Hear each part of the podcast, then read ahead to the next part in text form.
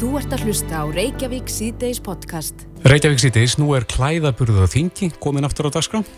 Já, þetta er til skoðunar í fórsættisnefnd Alþingis en uh, Þorstein Sæmundsson, þingmaður miðflokksins, hann segir óbáðlegt mm -hmm. að meiri kröfur séu gerðar um snirtilegan klæðaburð í versluninni Kostko mm -hmm. en á þjóðþingi Íslendinga. Já, og það hafa nú komið upp aðtök svona í tegnum tíðina sem hafi mitt komið inn á klæðaburðin en um, og menn hafa gengið svo langt að senda þingmenn heim til að stjórnum född. Já, það gerðist árið 2013 þegar Elín Hirst, þáverandi þingmaður sjálfstæðisflokksins, var sendt heim að skiptum född og það var fórseti alþingi sem að sendi hana heim. Já, var það ekki út af gallaböksum? Jú, hún mætti í bláum gallaböksum, mm -hmm. en Elín Hirst, fjölmjölakona, er á línunni, kom til sæl. Já, sæl. Mannst eftir þessu? Já, ég hef sér glemis aldrei. Hvað hérna... Rataði í áramataskautu, sko, á rúf, sko. Varst í vennulegum gallaböksum? Nei, máli var að um, máli var að ég sagt, stóð þarna álengdar og var að býðast að komast í ræðistól mm -hmm. og þá mhm. kemur stafsmæðingsins eða einna auðmennar þingsins til mín og segir við með Elín því viður þú, þú, þú ert í galabúsum og ég verði að býða um að fara heim og skiptum tvöld mm. Og síðan var bara kallað á mig í ræðistól þannig ég fór í ræðistól og sagði að ég bæðist afsökunar og því hérna fórsetta þingsins að, að ég væri í buksum sem að hérna væri ekki við hæfi og ég ætlaði þess að fara heim og skipta en ef ég mætti halda ræðina fyrst. En svo náttúrulega því ég fór að hugsa út í þetta þá var ég, þetta voru ekki gallabús, þetta voru svona bláar deminbuksur. Já. Þú veist að deminbuksur getur verið rauðar, það getur verið gular, það getur verið svartar, mm -hmm. alls konar. Þannig að að hérna að eftir á að higgja þá var eitthvað bara eitthvað tónvittisa vegna þess að þeir voru þarna spíksporandi kollega minnir í alls konar demin eða í buksum úr deminni í öllum litum sko en nema kannski ekki svona gallabugsna bláum sko. Mm -hmm. En þetta virðist þá að breyst eitthvað eh, síðan árið 2013 það vakti aðtökli hér á dögunum eða í fyrra var tekist áumynda en, en þá mætti þingmaður Pírata já, í gallabugsum og, og, og uh, satt í fórsettastólu alþengi þannig að reglurnar verðast vera orðnar slakari en hver er þín skoðun á þessu Elín? Ætti að vera já, ríkari skilda um snirtilan klæðaburð á alþengi? Mér finnst að alþengismenn eigi að vera snirtilegir til fara en við meðum heldur ekki vera forpókur og hérna gallabugsur eða deminbugsur eru bara hérna hluti af fattaskap allra og er bara hátíska í dag og, og mjög uh, fallegu klænaður þannig að við mögum ekki forpokast inn í einhverju hérna inn í einhverju tómarúmi á allþengi heldur. Mm -hmm. Hvað er það að draga mörgin? Við, við kannski ripnarböksur eða? Vistu það, það er óskaplega erfitt að geta hver og einn verði bara að gera það fyrir sig. Ég hætti að að vera með einhverja fata lauruglu stafsumi á allþengi. Nei, ertu þá mótið því að setja á svona sérstakar eh, reglur eða setja mörkin ykkur staðar?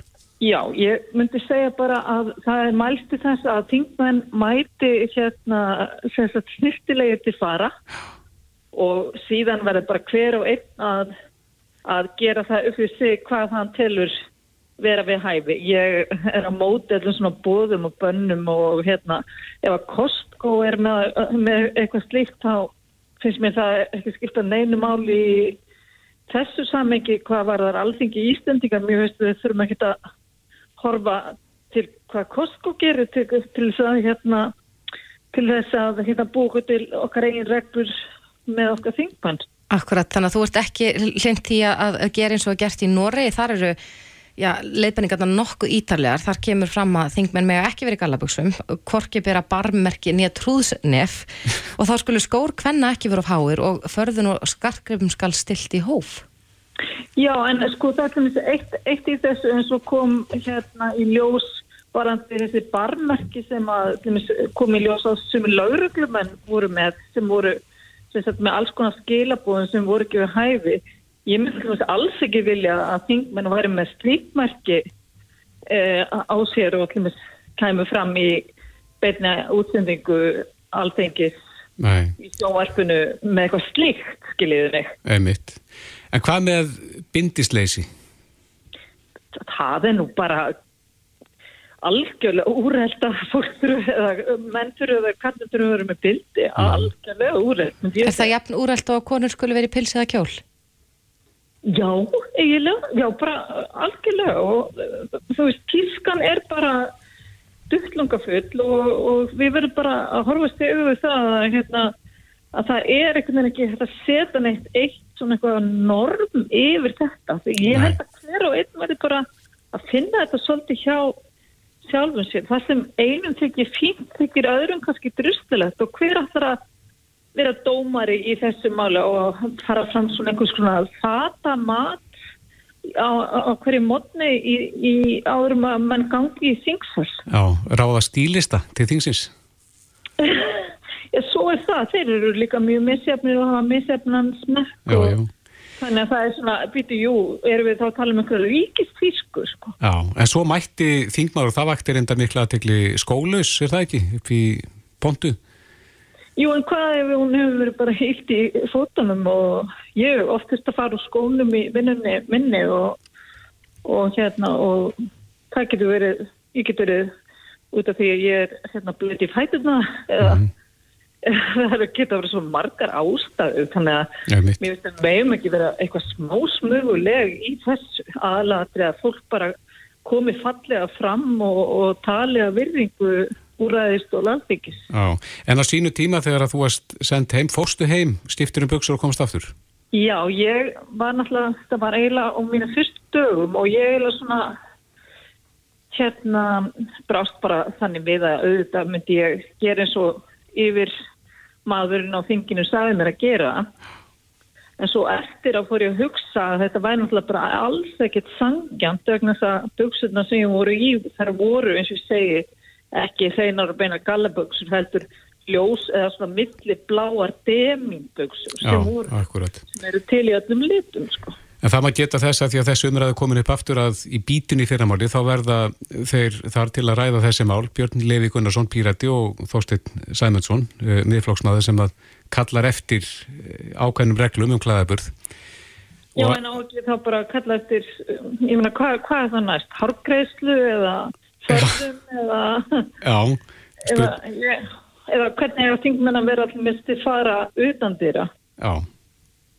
Þannig að það er þetta að tegja þetta alveg enda löst, sko. já, ég heyri það að þú ert ekki sátt við að setja ykkur að stífa reglur um þetta. Nei, ég held að við verðum bara, ef við getum kosið fólk á þing, þá erum við að treysta því til þess að vita hvernig það eigi að vera til fara svo að sóma samlegt sé. Já. Elin Hist, fjölmjölakona, gaman að heyri þér, kæra þakki fyrir þetta. Takk. Þú ert að hlusta á Reykjavík C-Days podcast. Reykjavík síðdeis á bylgjunni heldur áfram. Þa, það er lítið um annarætt en eldgós, mögulegt eldgós, jarðhræringar og, og fleira í þeim dúr en það hefur eh, jörðin skólfið. Einmitt, og það er svona ímissa sviðismyndi sem hafa verið dregnar upp en ég held að fólk sé engu nær. Kannski er ekki hægt að segja til um það hvað er í vændum. Kannski erum við bara ekki lengra komin í fræðanum með það en hann er komin til okkar, maður sem að veit miklu meir um þetta heldur en við, Þorvaldur eh, Þórðarsson sem er professor í eldfjallafræðin við Háskóla Íslands, komdu sæl. Góðan daginn. Já, hvað er, eru fræðin komið það langt að við getum svo nokkur neginn séð fyrir hvað gerist núna? Því miður erum við ekki komið það langt. Við, eh, við erum ekki með eh, upplýsingar í augnablikinu sem geta sagt okkur aða frá hvort að gangurinn stoppi áður hann kemur upp Já. eða hvort að hann verður liðið til elgós. En við getum líst aðeins fyrir okkur svona, þannig við getum reynda að ímynda okkur, hvaða gangur er þetta, hvað þarf að gerast til þess að, að gós verði? Til þess að gósverðin þarf náttúrulega bara að áframhaldið flæði af kviku inn í þessa sprungu sem hefur opnast Mm og ef að, ef að það heldur áfram og, og, og virðist eins og það sé ennþá í gangi, við erum ennþá með skjáltavirkni að þá náttúrulega á endanum kannski getur þessi gangi náða þetta leið til yfirbors -hmm. og, og, og ef hann gerir það þá náttúrulega endar hann í eldgósi Já, Er hægt að segja eitthvað til um líkur á, sko, er hægt að spá af við á 50% líkur eða meira eða minna? hvort að eldgós verður uh, nei, eiginlega ekki en við getum spáður svona út frá þeim fórsöndu sem við höfum gefið okkur nokkuð nákvæmlega hvar hugsanlega eldgós myndi þá koma upp ef það verður mm Og hvar er það líklegast eins og staðan er í dag? Uh, okkar nýjust útreiningar sem að taka til til hérna gós, sem sagt, gósopa sem hafa myndast áður bæði ungra og gam, gamalla. Og þeir yngstu með vestavæg taka líka til því sprungna taka líka til því hvað skjáltanir er í dag. Og einstíku hvað er afmyndunin er í tengslum þá í skorpunni. Og uh, þeir reikningar sem við farið í gerð núna sína það að, að, að hæsta gós, gósnæmi sem 99% líkur á upptakastað er annars vegar við rétt við hérna, keili eða rétt sunna við keili. Og svo hins vegar sem er mjög aðtilsverð að það hefur færst yfir í hérna Móhálsadal sem er eh, hérna rétt austan við Tröllandingi og það breytir gjössana sviðsmyndinu síðan hefur við kert sem sagt hvað er þá líklegustu reynslisleiðir hrauna frá þessum líklegu stöðum þar sem góðs gæti komið upp. Og uh, þau sína það náttúrulega að langlíklegasta flæðilegðin, uh, reynslisleiðin er uh, niður það sem komum afstafarhraun og uh, Er það fjarrið mannabíðum? Já, það er, já, það er að mitt á milli hafnahjörðar keflaugur og hérna og síðan er hinleiðin er niður það sem við kallum hrútargjártinguna sem að sumið þekkja sem kvassarhraun Já, og þar leið niður eftir í áttina hafnafjörði. Þannig að miða við það því að nefni kvassarhaunnið er kvassarhaunnið þá ekki áleitlegu staður fyrir flugvöll? Það er eiginlega ekki mitt að segja það að hann er álitlegur ekki verðin það kemur svo margt inn í slíkt mat. Já, en eina sem ég myndi vilja segja er það að, að uh, ef að menn vilja reysa flugvöllar þá náttúrulega er ákveðin hætta frá telsumbrotum já, og það verður að taka þá áhættu með inn í allt mat. Uh, og síðan verða menn sína að, að setjast niður bara og meta stöðuna hvort að það sé þessi virði að taka þessi áhættu. Og það getur vel að það sé. Það getur ekki vel að það sé ekki. Íbúar á, á Reykjanesunu hafa verið svona nokkuð áhugifullir, skiljanlega, en það hefur verið eh, mikið í gangi síðastlega daga. Eru er einhverja líkur á því að, að hraun flæði þannig að, að ekki verði hægt að keira Reykjanesbreytuna? það er, er alveg möguleikar á því sko. Því að, að það sem finnir hjá afstafurinn það myndi fara ef það er nægilega stórt og nægilega langt hraun þá Mhm. fer það yfir Reykjanesbreytina en það eru aðra leiðir sem hægt er þá að nota það er mjög ólíklegt að ef, ef, ef að til gós kemur á, á Reykjanesnu að sprungurnar ræði sér þannig upp að, að hraunir sem flæ, myndir flæða frá þeim myndir loka öllum eigum En uh, færust þið nær gósi með hverjum stjálta? er stórtu spurt. Já,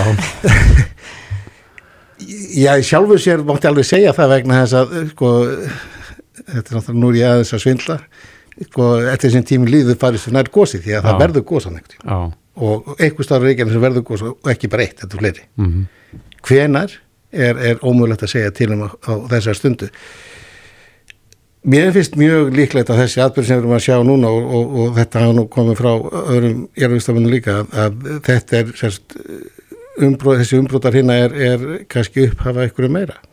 Þetta er það verður fyrstu teknin. En einhverju meira, hvað meinar það með því? Uh, öðrum eins umbrótum, uh, eldgósum, uh, annar staðar á skagan. En sko, ef við erum að hugsa um slíka mynd, þá er það líka mjög mikilvægt að, að hérna, taka til þess að við erum að, tímarami sem við erum að tala um, hann er ekki dagar eða vikur, hann er sko áratugir ef ekki aldir.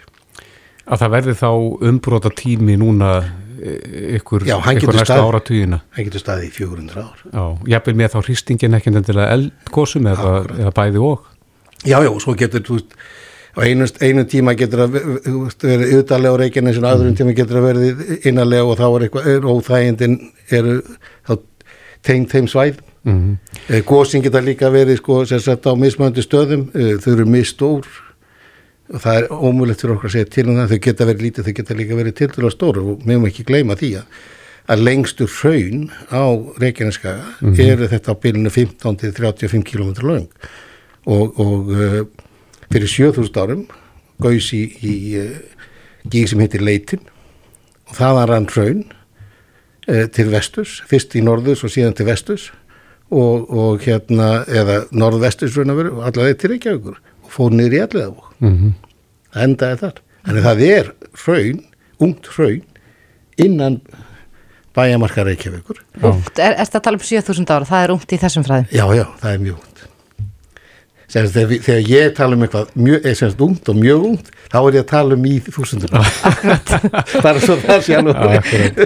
En þessi, þessi hrína sem að nú stendur, hefur hún staðið lengur heldur en uh, þið kannski byggust við? Ég held að sé alveg óhætt að segja það, já. Hún er staðið mun lengur heldur en, heldur en allir byggust við. Já, og það er að koma svona kröftu í stjáltar inn að milli? Já, já, þeir eru ennþá, sko, þeir eru, eh, því sem best veit, þá eru ennþá skjáltar vel í fjögur, starfgráðin fjórum. Já, og megum við búast við stærri stjáltum? Ég, það er ekki að útiloka það, Nei. alls ekki, sko. Og eins viðsmyndi sem að, hafi verið sett fram er það að, að, að það komi, virkli minni færast austar og, og, og þá er það svona farið í gegnum kannski svæði sem hefur ekki verið brotið í tölvörðan tíma Mm. þannig að þá getum við fengið stærri skjálta þar í upphafi allavega það er eins viðsmyndin svo getur vel verið að hún verði raun gerist ekki sko og er, einn möguleikin er að allt stoppa bara á morgun hinn möguleikin er að þetta þróast í einhverja stærri atbyrðin svo eldgós eða, eða jafnir stóna skjálta já. Hvorum megin er þú? ég náttúrulega er eldfjallafræðing þannig ég náttúrulega stiðið eldgósið sko Já, þú vilt sjá það. Ég veit ekki hvort ég vilja sjá það, en það væri mjög spennandi og gaman að sjá uh, hérna, uh, og lærdómsvíkt fyrir okkur að, að fá elgós en, en sama tíma myndi maður náttúrulega vilja að gósið væri lítið og minnlaust. Já, Ég meina, svona lítið túristakos. eitthvað svo leiðis já, en, en við getum náttúrulega aldrei guttrikt slíkt. Ég held að það sé líka bara ferst í minnum fólks þegar að uh, gósi var í eigafelljökli. Við erum ekki að tala um gós af þeirri Nei, stærðagráð. nei, e, e, sko ekki að, þeir, að, að, að því eðli. Sko gósið í eifettujökli, sko við erum kannski að tala meira um það sem það var í fimmurahálsi. Mm -hmm. Þó það getur kannski verið eitthvað eh, verulega stærra heldur sem var í fimmurahálsi, þá, þá er eðli gósins, það er svipa því sem við sáum í, í fimmurahálsi og sprungum með kvikustróka, einhverju pínullu gjóskufalli og, og gas Mm. hérna, sem, sem uh, sleppur frá kvikunni í gígunum og, og völdur einhverju gasmengun. Við erum ekki að tala um sprengingus og það er hérna jafnvel ef að, ef að einhver veruleg gjóskumyndin kæmi að færi í gangi svona gósum og þá er það aldrei neitt mikið. Nei. En ekki ekki sem þurfum að hafa neða stóra að Það er aldrei neitt stór sprengingus. Nei, ef að fólk er á svæðinu, hvað er einhver viðvörunatími? Ef að fólk er á röldi þarna einhvers stað nálagt. Eh, Eða gerist þetta bara allt í einu? Nei, það er nú, eh, það er nú yfirleitt þá finnur aukinn titring. Já, menn, menn myndur nú finna það en, en spurningin er, þá er spurning hversu nálægt ertu titringum, hvort þú hafi tíma til að koma þér í burtið eða ekki já þannig að fólk ætti ekki að vera á þessu svæði.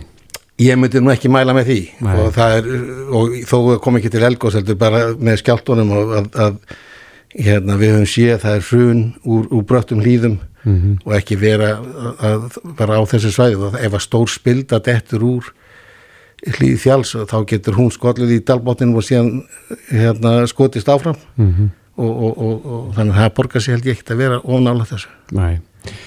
Þetta er aðteglisvert og uh, merkilegi tímar. Eh, Þorvaldur Þorðarsson, professor í eldfjallafræðum við Háskóla Íslands. Kæra þætti fyrir þetta. Já, bara takk fyrir mig. Hlustaðu hvena sem er á Reykjavík C-Days podcast. Jæja, Reykjavík síðdeis. Það er nú svona pínu hérna, veirufrí eitthvað neginn í fréttum þar sem að stjáltar og, og hugsanlegt elgos hefur tekið við. Algjörlega. Ég held að það var mörgum bröði brún í gær þegar það greindist einn með kórnumveruna innanlands og það var tvísýmt hvort að hann hefði smitast hér innanlands eða ekki Nei, en svo kom í fréttum síðan gær að, að hann mældist með mótefni já, mikla gleði fréttir einmitt. En það er spurning hvernig staðan er núna og hvort að þessi komið tími til þess að huga að aflýtingum, meiri aflýtingum. Þórólu Guðnarsson, sóttvartanlæknir er á línunni, kom til sæl. Já, selveri. Já, þér hefur vantarlega létt eins og öðrum að heyra að hann hafi mynda mótefni, þessi sem greindist í gær. Jú, það var, það var bara ánægilegt að sjá að það var niðurstaðan því að eh, ef að eh, það var spurning um tíma hvar, hvar viðkomandi gæti hefa smítast hér innanlands og, og það hefði náttúrulega verið fyrir gróðþægilegt að, að smít hefði verið einhverstaðar innanlands á þess að á þess að við hefum vita svona nokkurn veginn hvar það hefði gerst þannig að þetta var bara fínt. Já, fer einhvers konar ferli í gang hjá ykkur um leið og einhver eh, greinist, farið þið strax í það að, að svona setja upp mögulega sviðsmyndir um, um eh, já, eins og smitrækning og annað slíkt Já, já, smitrækningin fer strax að stað og, og kannar vel hvar, hvar viðkomandi hafi verið og hvort það setja að rekja smiti. Það er náttúrulega erfiðar að rekja smiti núna þegar það eru fáir nánast engið sem greinist að það, það er því að fólk hefur náttúrulega verið í það og það er erfitt að, meta það út frá einum, einum einstaklingi en strax voru konar tveir eða fleiri þá er hægt að rekja leiðir menn, manna saman og þá þá er þetta að sjá svona nokkuð, nokkuð vel ofta tíðum hvar, hvar smittið hefur, hefur verið. Já, það segir einni frétt inni á vísir.is í morgun að það sé búið að bólusetjum 3,5% íslendinga. Þetta er alveg afspilnu lág tala svona með að við það sem að maður heyrir af löndunum í kringum okkur. Já, ég veit ekki við, ég held að við séum að fá þetta er náttúrulega svolítið breytilegt hvernig bólefnin er dreift. Það eru mjög margir sem eru bólusettir í þessari vilku sem er ekki inn, ekki inn í þessari tölu Þannig að ég held að við séum að fá bara jafn mikið að bólefni og aðrið og við bólusetjum bara strax og það kemur og, og ég held að við þurfum ekki að vera hrættum að við fáum eitthvað minna heldur en aðrar Evrópu þjóður en ágrann okkar. Það, ég er marg búin, að sjá tölur um það og það er bara hlutfall eh, af höfðatölu og þannig að ég held að við getum verið svona nokkur óleg þess vegna. Já. Það, við höfum alveg heyrt að fólk hefur skoðanir á, á því hvernig eh, bólusetningum er hátt að hér landi og við heyrðum í gæri í, í Jóni Ívari Einarsinni sem er professor við Læknadeild Harvard Háskóla og hann er verið að skora á stjórnvöld Hjörlandi að, að fara að dæmi breyta og lengja bylið á milli bólusetninga í þrjá mánuði þannig að það sé hægt að bólusetja sem flesta með, með fyrri spröytunni og, og þannig að fleiri fái vernd. Hefur þetta verið skoðað Hjörlandi? Já, já, þetta er eitt af því sem við náttúrulega höfum skoðað og og velt fyrir okkur bara fram og tilbaka og, og, hérna ég ekki sammála hans niðurstöðu hins vegar og, það helgast að því að, að ég held að það væri skynsalegt að gera það eða við værum með mikið smitt í gangi í samfélaginu hér þá væri myndi skipta miklu máli að ná útbreyslu og bólusetningum eh, eins fljótt og hægt er og það er gert í Breitlandi og fleiri stöðum Eh, hins vegar er vendin eftir eina spröytu, hún er klárlega lagari, miklu lagari heldur en eftir tvær og, og, og menn geta við að koma með mismunandi tölur um hver vendin er eftir eina spröytu en þá eru menn stundum að miða við hvort að einn bólusetning komi veg fyrir alvarleg veikindi eða öll veikindi og svo framvegis. Eh, ef, að, eh, ef að fólk sem er bólusett er að eh, veikjast kannski vægt þá er það með veiruna, færða veiruna í sér og geta þannig dreift henni áfram. Þannig að mér finnst miklu ólíklegra að svona eftir eina spröytu að bólusetningin komi í veg fyrir dreifingu til annara. Uh, og á þeim grunni held ég að því að við, okkur liggur ekki mikið á að það sé, væri óskinsanlegt að fara þá leið, ég held að það sé miklu skinsanlegra að full bólusetja þannig að við uh, náum upp hópi sem að sem maður mun ekki dreifa mm. veirun og fær, fær upp þess sko lengri vend heldur en eftir eina spröytu þannig að ég er ekki samála niðurstöðu hans. Nei, en Þólu þú segir okkur liti ekkert á en ég veit að það eru margir mjög ósamála þessu fólk sem hefur ekki fengið að hitta kannski ættingja sína nákomna eða fólk sem er með fyrirtæki í algjöru stöðun mörgum liggur mjög mikið á að koma hjólónum í gang aftur Já, en hvernig ætlar að koma hjólunum á frekar eftir eina spröytu heldur en eftir tvær? Ég meina, er, er menn þá að tala um ferðasko businessin? Uh, hver er ferðavilji fólks ellendis til dæmis? Það, uh, það er ekki meiri hömlur að landa mæri hér heldur en uh, víðast hvar annar staðar í Evrópu. Þannig ég er ekki vissum að menn, ég held að menn sé aðeins að sjá hlutuna ekki rétt fyrir sér eða halda það að það sé hægt að opna og þá munist streyma hér inn fólk og allt verði voða, voða, voða fínt sko. Við erum með minnstu tilslagan hér innanlands sem að uh, sko þekkist hér í Evrópu og mörgulöndum. Það eru flest lönd miklu harðari tilslaganir. Nú við vorum að sjá fréttir í morgun að því að, að svona hagfræðilega úttekt á aðgerðum uh, frá síðast ári verður miklu minni heldur en menn heldum. Þannig að uh, þannig ég byrjum enn aðeins um að hugsa málinn svona í heildrænt. Já. En eh, hvernig sér þau fyrir svona nánustu framtíðvarandi bólusetningar? Hvað, hvenar fyrir þetta svona gott skrið? Já, það fyrir bara eftir því hvað við fáum bólefnin fljótt og, og við vitum hvað við fáum mikið núna út mars. Við erum ekki búin að fá dreifingar á allin uh, april og áfram mm -hmm. og, og, og áframhaldandi bólusetning og áframhaldandi spá um hvernig, hvernig það, það verður mun bara helgast af því. Mhm. Mm En getur verið, Þórólur, að því að það hafa nú verið fréttir af því að fólk sé að hafna AstraZeneca bólefninu, Getur verið að ástæðan fyrir því sé að þessi langi tími á milli spröyta, að það líði þrýr mánuður á milli uh, hérna bólusetninga með því heldur en verður ekki þrjár vikur hjá hinnum? Já, það er þrjár vikur eftir Pfizer en fjórar vikur eftir Moderna. Já, en þrýr mánuður eftir AstraZeneca? Já, ég, ég veit ekki hvort að það er en, en, en þá menn, menna að vera á móti öllum bólusetningunum eða ættir að býða Eh, sko þrjá mánuði eftir allar bólusetningarnar. En hefur það verið greint hvað, hvað er að stoppa fólk í þessu? Nei, það, ég er ekkert vissum að það sé svo mikið eins og afvel látið og ég hef hirt í þeim sem er að bólusetna og það lætur ekki svo illa af því að fólk sé að neyta bólusetningum og það sögða eitthvað um það að fólk sé að neyta þessu bólum umfram manna en við erum að reyna að segja við fólk að það er engin stórkvæmslegu munir á þessum bólefnum þannig að Þannig að AstraZeneca bólefnum aukaverkanir er meiri eftir fyrsta skamt eftir en annan. Með hinn bólefnum þá er aukaverkanir meiri eftir annan skamtin. Mm -hmm. Þannig að svona er þetta. Þannig að þegar upp er staðið þá að sé engin svona grundvallar munur á þessum bólusetningum og hjá okkur, eh, hvort að fólk fyrir að býða aðeins lengur eftir þess að fá betri vend, eh, það skiptir, eh, það er ekki eins mikilvægt eins og ef við værum með mikið af smiti hér innanlands þá, þá, þá getur maður að velta þessu meira fyrir sér. Já, hefur það verið tekið saman hversu margir hafar hennilega neytaði að fá bólusetningu? Nei, við hefum ekki taka, við hefum ekki tekið það saman og, og hérna, þannig að við ekki, erum ekki með tölur en um það við, eins og verðum við bara heyrt hvað, hvað þeir sem er að bólusetja, hvað, hvað, hvað þeir segja sko. Já, akkurat. Þóralu Gunnarsson, sóttvallalæknir, kæra þakki fyrir þetta. Já, sumulegis. Reykjavík síðdeis á bylginni. Reykjavík síðdeis heldur áfram.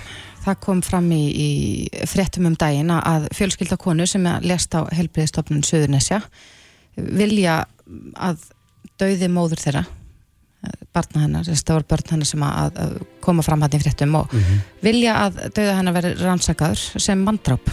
En þetta var kona sem var 73 ára gömul sem fer þarna á helbriðstofnun Suðurnesja í kvildareinlögn og degi síðar um, tekur á, læknir ákvörnum það að hefja lífsloka með þess en þetta er ræðilegt mál en hinga til okkar eru komnar tvær af dæturum konunar Borghildur Haugstóttir og Eva Haugstóttir komið sælar Förum aðeins yfir, yfir söguna, ég veit að þið hefði gert það ansi víða en, en svona fyrir þá sem að ekki hafa heyrt, hvað hún er eh, lagðarninn eh, í kvildarínlögn og hvað svo?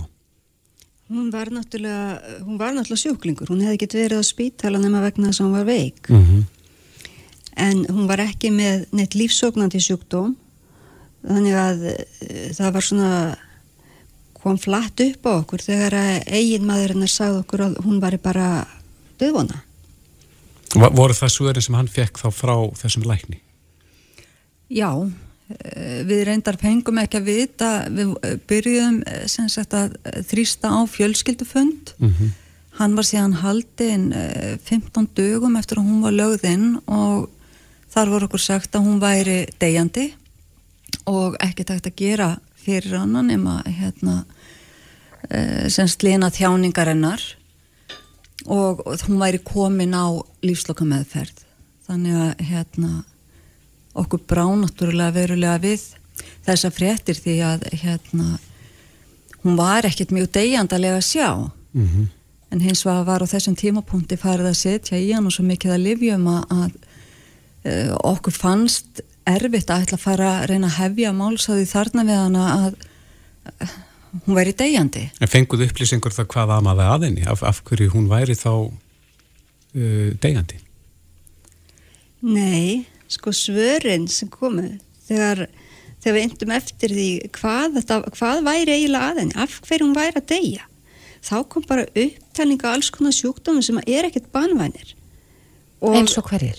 Ég, ég vil ná ekki fara að reykja alla hennar sjúkrasúi hérna en, en, hérna en við erum ekki að tala um neina lífsögnandi sjúkdóma eins og krabba minn. Mm -hmm. Það kom bara upptælinga alls konar sjúkdómi sem að hafa hrjáðan í gegnum tíðina og hafa ekkert verið að draga til dauða fram að þessu og uh, það, þetta var allt ekkert nefn voðilega loðið og svo kom bara lýsingar á hérna hegðunar enginu sem viðsettum algjörlega í sambandi bara við alla þessa livjagjöf uh, hún, hún var á mjög miklum hérna deyfilivjum og að, að sjálfsögðu hefur það áhrif á atverðli fólks og það hvernig það tjáir sig.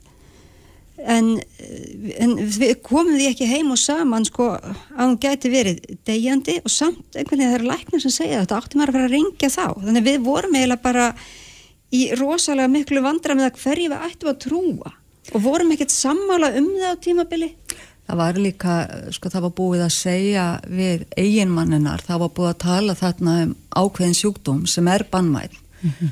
og uh, svo þegar við ferum á þennan fjölskyldufund við annan lækni þá segir hann að sá sjúkdómur hafi aldrei verið greindur. Síðan hérna er þessi sjúkdómur alltaf að dúka upp aftur. Og svo þegar hún deyr þá er gefið út dánavottorð þar sem þessi sjúkdómur tekinn fram sem hafi aldrei verið greindur hjá henni Þannig að við vorum að fá svo misvísandi skilaboð frá læknunum hennar allan tíman. -hmm. Fekk hún einhver tíman tækifæri til þess að tjá sig sjálf? Nei, það er, sko, það er smá miskilningur. Hún var ekki sett á lífslöka meðferð strax daginn eftir. Hún var sett á lífslöka meðferð en leið og hún var lögð inn sama dag. Mm -hmm. Og uh, það bara strax byrjaði að dæla í hana deyfilifjum og við náðum aldrei almennlegu þannig sambandi við hann að vera hægt að ræða einhver alvörumál við gáttum alveg átt með henni svona nokkra góðar stundir. En, en ekki þannig að væri eitthvað hægt að fara að ræða við hann að mamma veistu hvað er að gerast hérna, veistu að þú ert að deyja? Það var ekki takt að ræða hann eitt svolítið hún var bara ekki nógu skýrti þess. Og það er, það er eitt af því sem er svo ræðilegt við þetta, það var, það var tekið frá okkur þetta tækifæri til þess að eiga við hann að þetta samtal. Mm -hmm. Var engin annar stafsmæðar á helbíðastofnunum sem að, að gatt gripið hann inn í eða setti út á maður hefði haldið að hérna, fólk hefði átt að grípa þarna inn í. Það var sagt, eftir að hún er dáin þá fara hjókrunafræðingar á dildinni og kvarta til landlæknis þar á meðal út af meðferðinni á mömmu. Þannig að það er alveg greinilegt að það voru þarna einhverjir sem að sá að það var eitthvað óeðlilegt í gangi. Voru það hjókrunafræðingar sem að komi í rauninni málun af stað gagvart landlækni? Nei það var Eva sem að sendi fyrst einn kvörtun mm -hmm. og það var eftir það sem að hjókrunafræðingar sem sagt fóru til landlægnis. En það var þetta fleiri málum. Það var, það var vegna þess að bæði starfsfólk, sjúklingar og aðstandendur höfðu verið ósáttir við meðferð sem sjúklingar fengu og samskipti við þennan yfirlækni. Þannig að, að hérna, það er ekki bara hennarmál sem er þarna undir og hérna það væri, það væri kannski sko, þetta væri kannski skára, það væri bara einmanniska en það er fullt af fólki búið að hafa samband við okkur með fólk sem hefur bara svona svipaður sögur og mann finnst mjög svona uh, mikil þörf á því að þetta verður ansakað ekki bara málmóður okkar heldur uh, þessi stopnum, þessi dild, þessi læknir hvað hefur verið að gerast þarna bara í heildina og landlæknir ætlar að gera það mm -hmm. Hvað tók þetta langan tíma? Þetta tók 11 vikur. 11 vikur þessi lífsloka meðferð? Já, lífsloka meðferðin en það er alveg augljóst að öll heilbriðis þjónustan þarna frá því að hún byrjar að þykjana hvað 2015 þegar hún eh, flytur aftur til landsins að hún var bara í mólum. Það maður sér það bara þegar maður fer í gegnum sjúkrasöguninnar að hún smám saman missir trúna á uh, heilsugæsluna hún fær ekki rétta greiningar, það er ekki fyllt eftir málum sem byrja og þegar sem sagt eitthvað er greint og meðferð hérna byrjuð, þá er henni að fylg hægt aftur. Og þetta held ég að hafi verið stór þáttur í því hvað síðustu ár vorinni afskaplega erfið. Mm -hmm. Stilja rétt, er þið búin að kæra læknin eh, til lauruglu? Já, Borgöldur fórum daginn og laði fram kæru kakart þremur starfsmunum. Þremur starfsmunum á, á uh, helbriðstofnunni? Já. Það kom fram í áliti landlæknis að, já, að móður eitthvað hafi verið sett í þessa lífsloka meðferð að ástæðalösu, tilöfnislösu. Og hver, hver eru næstu skref hjá ykkur í þessum? Það hefur komið fram í fréttum að læknin er starfandi á landsbytalunum uh, undir eftirliti. Já, sko, það, þau skref sem við erum búin að taka ég skal alveg, sko, þegar að þetta gerist og við erum búin að vera sískinnin í hérna, svona tilfinningalegu uppnámi í margar vikur við erum búin að ræða það hvort að þetta væri eðlilegt, hvort það væri kannski bara reynlega verið að lóinni e, borgildur stakk upp á því að við hérna tækjum hana bara, settum hana bara fyrir hjólastól og rúluðum henni út og færum einhvern með hana. Og þá kemur þessi spurning, já en hún er, þeir segja hún sé að deyja, hvað hún deyri höndum á okkur? Mm -hmm. Þannig að það, er, eru mikla tilfinningar búin að vera í spilinu og allt það og þegar að við fyrir að skoða sjúkaraskráninar og sjáum að uh, það, það er bara lít, þetta lítur út eins og að hafa ekki verið fórsendur fyrir þessari lífsloka meðferð þá varð ég gjörsamlega brjálið og við vorum öll í, í miklu uppnámi og mér langaði bara að fara út og, sko, og öskra af hústökum. En við gerðum það ekki. Við fórum til landlæknis, það tók eitt og halvt ára frá niðurstöðu en það, þetta var líka alveg gríðarlega velunnið. Nú erum við búin að fara til lögreglu og þetta er komið í fjölmjöla, það vorum ekki við sem fórum með þetta í fjölmjöla en þetta er komið í fjölmjöla þannig að fólk var að vita hvað er í gangi og næsta skref í mínum huga er bara þetta að hérna uh, reyna að komast að einhverju vitundavakningu um það hvað er í gangi í helbriðiskerfinu og að býða eftir niðurstöðu lauruglu. Ég sé ekki mikið meira sem við getum gert í byli, sko. Mm -hmm. Hvernig var þið ykkur við þegar þið fenguð niðurstöðuna frá landlækni og fóruð yfir hana?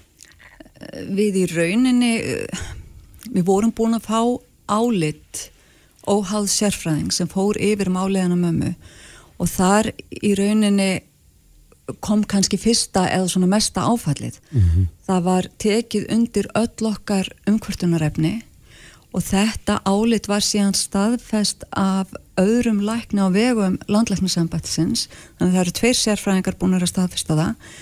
Þannig að þegar álit landlæknis kemur að þá náttúrulega bara kemur þriðja staðfestingin og í rauninni þar komi líka fram fleiri atriði sem við höfum ekki vitað. Þannig að hérna veist, það er svona ákveðin léttir að þetta sé komið og byðin einhvern veginn er búin en þú veist, nú er bara einmitt lauruglu rannsóknin eftir mm -hmm. þannig við vonum bara að þeir vinni það hratt og vel einmitt. Við ætlaði að velta þessu máli vel og lengi fyrir ykkur, hvað haldið hafi þessum lækna við gengið til? Getur við ímyndað eitthvað það?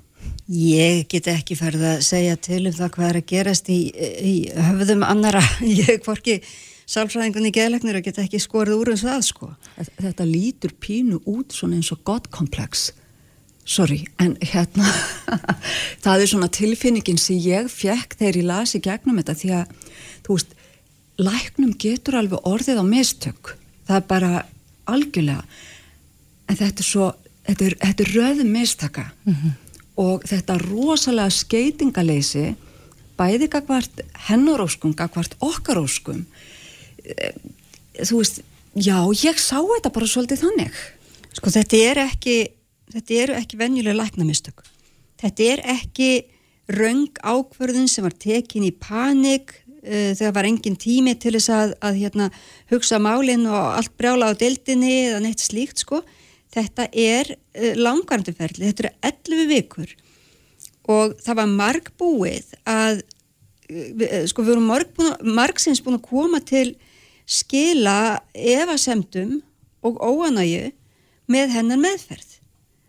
Eh, Borgaldur stóð nú sérstaklega í því mm -hmm. en ég skrifaði bref og eh, hérna, það, það einhvern veginn komst aldrei til skila, bref til hjógrunarfóstur og það kom, komst aldrei til skila, var ekki sendt áfram, ég veit ekki að hverju. Borgaldur kvartaði þarna, já, tviðsari viku eða eitthvað svo leiðis yfir ymsum atriðum varðandi hjógrunna, Mar, bað margsinnis um það að lifin eruð minguð og uh, það sem að landlæknir finnur að, það er ekkert bara einhver eini eða tvenn mistök. Það er bara öll meðferðin eins og hann laði sig allt frá sko greiningum á sjúkdómum og til þess að, að, að hún deyr þarna í rauninni ég, ég myndi orða að völdum lífsloka meðferðar en það er auðvitað ekki orða þannig í álitinu. En það kemur fram að eh, svo meðferð sem hún fekk hafi það er álítið að svo meðferð sem hún fekk hafi flýtt fyrir döðanir hafi e, sest, orðið þessi valdandi að hún e, bara gafst upp. Já, þessi tiltekni læknir, hann var sviftur lækningalefi vegna þessa máls. En er nú, það kom í ljós fyrir stöttur síðan að hann starfar ánleifis og undir eftirliti á landsbytalunum hvernig var þetta við þegar þið heyrðu það?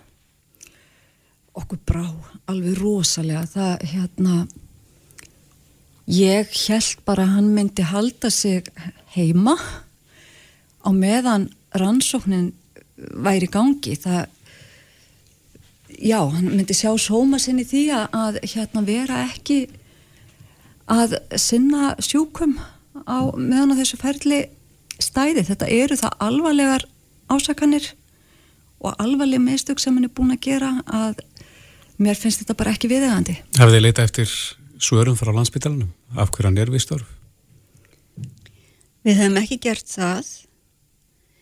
Ég er, ég er svolítið hissa á því að uh, þessi deild, yfirleikna þessar deildar vilji bera ábyrð á manni sem að er verið að ég sem að er til rannsóknar fyrir mögulegt manndráp en uh, já, þeir sem að vilja taka ábyrð á því gera það bara sjálfur.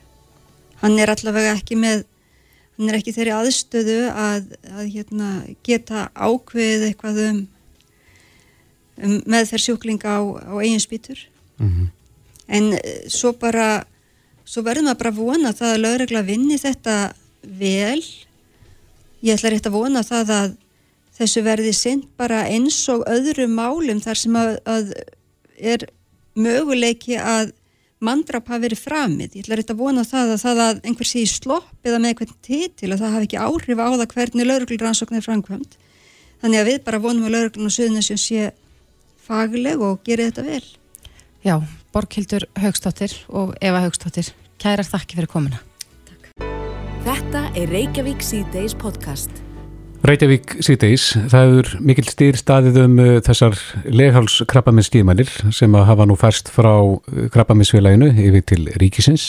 Akkurat og ganski nýjasta nýtt í þessu málum er, er að það að nú eru öll síni sendt uh, utan mm -hmm. til Danmerkur, Já. þar sem þau eru rannsökuð og, og, og þetta hefur já, svona vakið upp ymsar tilfinningar af fólki.